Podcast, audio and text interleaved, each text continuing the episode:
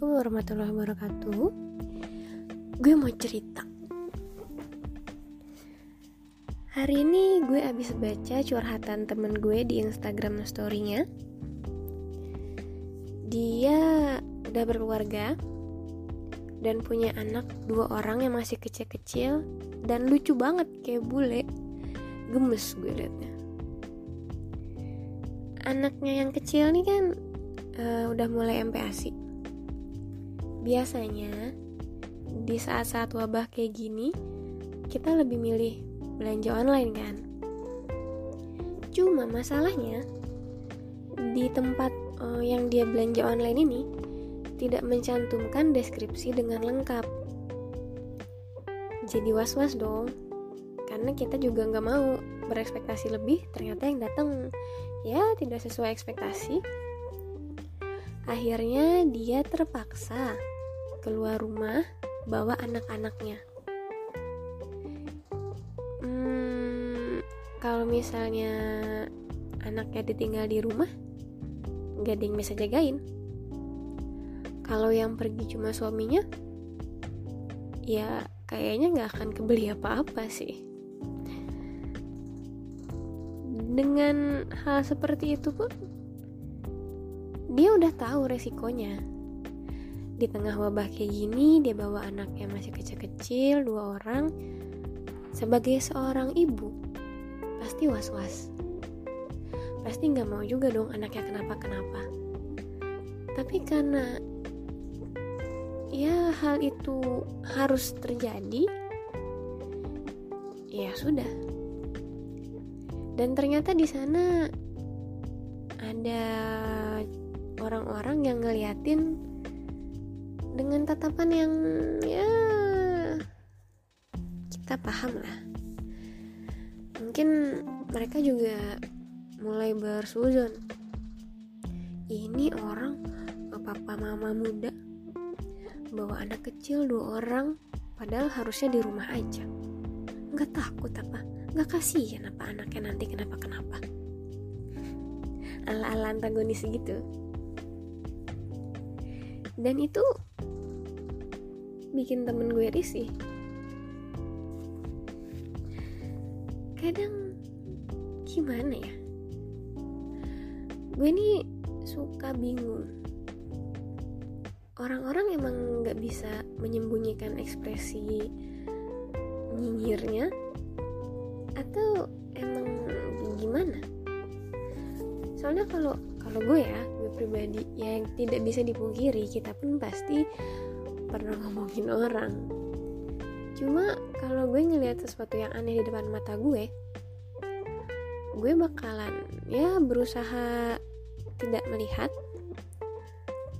Dan kalau yang gue lihat itu udah hilang gue ngomong ke sebelah gue eh, eh tadi si ini lihat yang pakai baju pink tadi.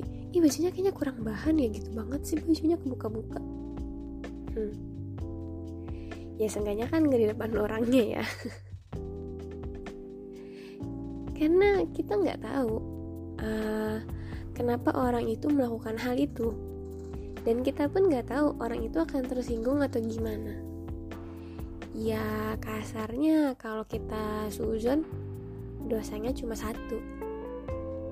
Tapi kalau kita suzon terus ngomong atau ngasih ekspresi yang nggak enak udah do udah dapet dosa suzon dapet dosa melukai hati orang. Uh.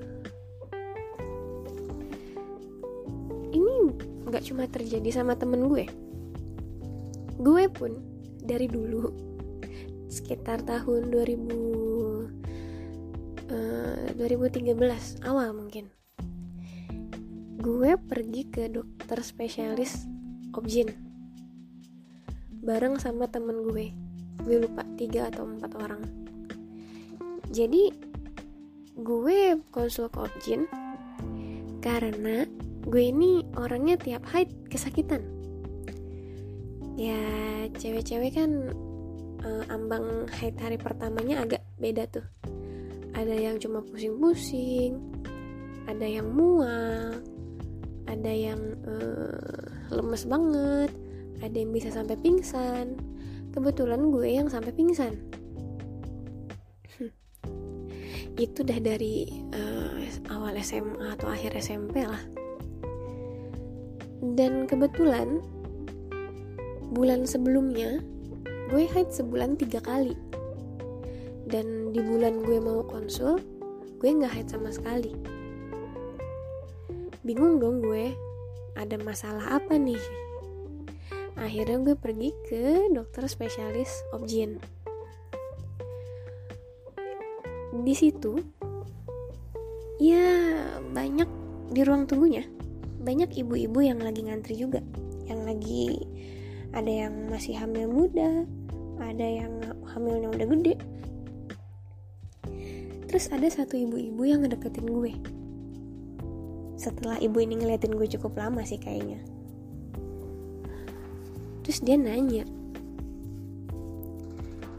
mau konsul dek iya bu siapa yang mau periksa saya?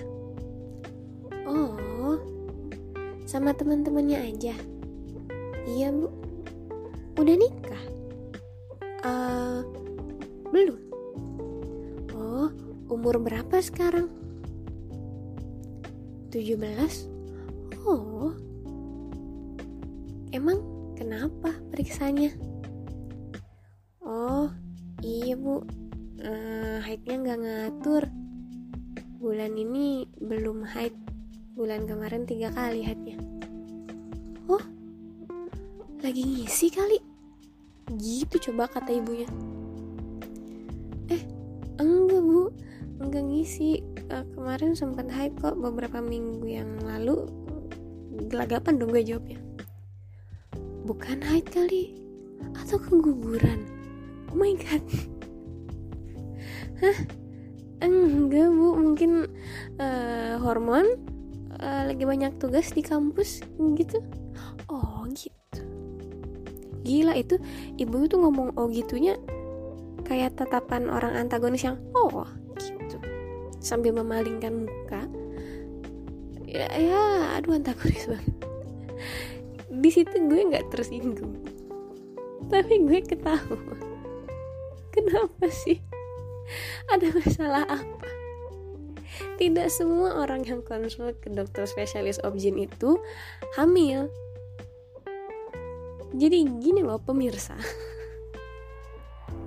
Objin itu obstetri dan ginekologi. Obstetri uh, artinya kandungan. Jadi dia menangani ya masalah kandungan-kandungan lah. Dan ginekologi itu tentang reproduksi wanita dari haidnya kek ada kista kek ada tumor kek itu semua bukan perkara hamil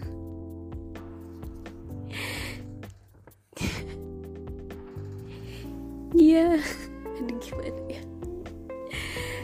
Menurut gue, menurut gue ya, sebaiknya kita tuh harus bisa memaklumi dan bisa mencoba untuk mengerti buat buat buat memaklumi orang lain buat mengerti orang lain kita tuh seharusnya bisa mencari hal positif dari sebuah kejadian apa pun itu kejadiannya. Husnuzon lah. Intinya mah husnuzon ya kita kan nggak tahu.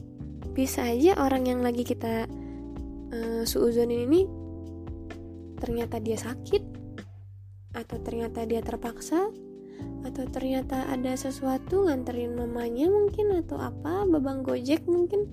Ya kan babang gojek nggak ke objin untuk periksa kandungan kan nggak kan? Ya coba berpikir positif gini loh gue pernah baca uh, kalau nggak salah hadis. Eh tapi gue nggak yakin juga sih ini hadisnya emang uh, sahih atau termasuk hadis yang palsu atau gimana. Mungkin nanti bisa dikoreksi uh, gue. Yang intinya kalau ada seseorang yang melakukan sebuah kesalahan menurut kita kita harus mencari uh, kemungkinan kemungkinan kenapa dia salah. Kita cari alasan dia salah tuh apa. Sampai 70 alasan. Dan kalau nggak dapet dapet juga berarti ada alasan yang kita nggak tahu. Dan gue sempat baca juga uh, kayaknya tulisan ini agak simpang siur ya tapi ada satu tulisan dia tuh bilang kalau kita nggak menemukan sisi positif dari dari orang itu maksudnya alasan yang bagus dari orang itu kemungkinan kita yang bikin kesalahan. Aduh gue lupa itu baca di mana ya. Harusnya gue sebelum nge-record ini gue baca dulu kali ya. Emang gak ada persiapan banget hidupnya iya dari maksud gue dari tulisan yang pernah gue baca itu intinya kita diminta untuk selalu berpikir positif.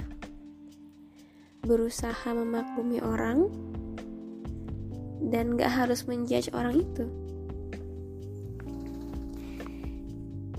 Hmm, gimana ya cara ngomongnya? Gini deh kalau misalnya atau kalau misalnya nggak bisa nih menghilangkan pikiran-pikiran yang negatif coba deh.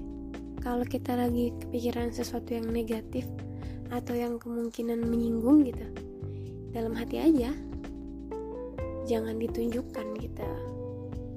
Karena ketika menurut gue gue harus mengklaim ini menurut gue ya karena gue bukan ahli yang begini-beginian. Kalau kita seuzon sama orang kita mikir suzon nih. Ya dosa kita satu. Dosa suzon. Nah kalau kita udah sama suzon di depan orang itu pula ngomongnya. Ternyata orang itu sakit hati. Dua dosanya bos. Dosa suzon sama dosa melukai hati orang.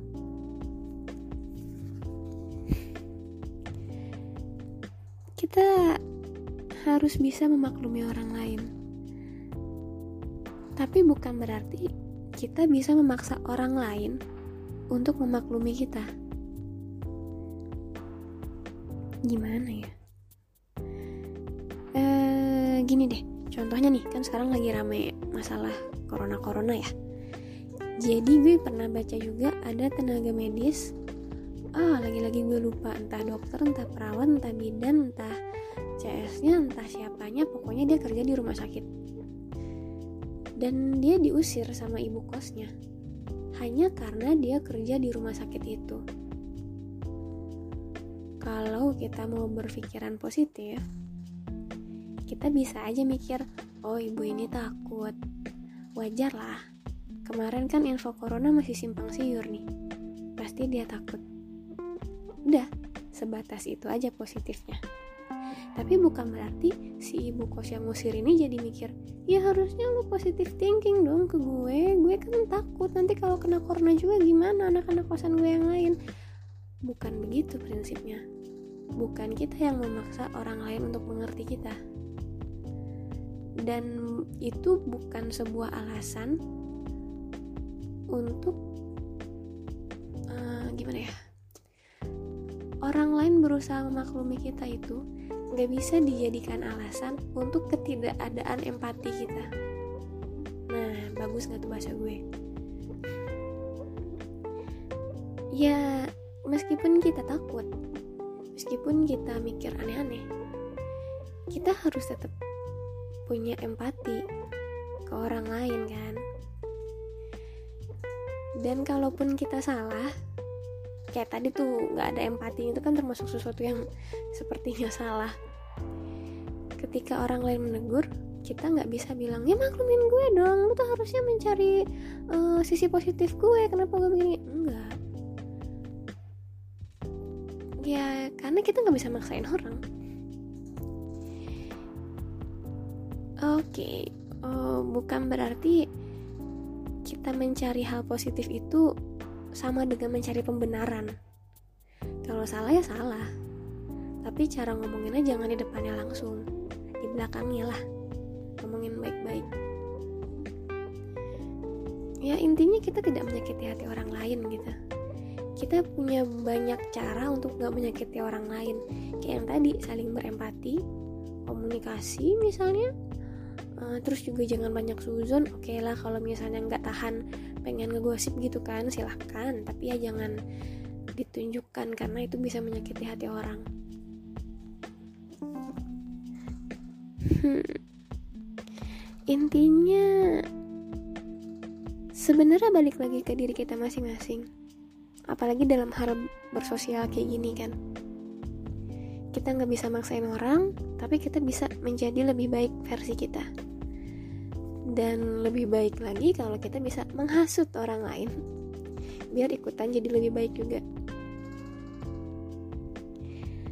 kita tuh cukup ini aja kok uh, cukup melakukan hal-hal yang baik dengan cara-cara yang baik dan selalu berpikiran yang baik-baik. Yang penting kita dulu. Orang lain mah terserah dia. Yang penting kita. Penting kita mencontohkan yang baik. Kita melakukan dan mencontohkan yang baik. Ya gak sih? Coba deh mulai sekarang. Kalau kita ngelihat ada yang aneh-aneh, jangan langsung diomongin minimal kita coba tahan dulu ngomonginnya ntar aja di belakang tapi kalau keburu lupa ya udah bagus kan jadi gimana? Mau mulai coba dari sekarang nggak? Mikir yang baik-baiknya? Atau mau tetap gini-gini aja? Baik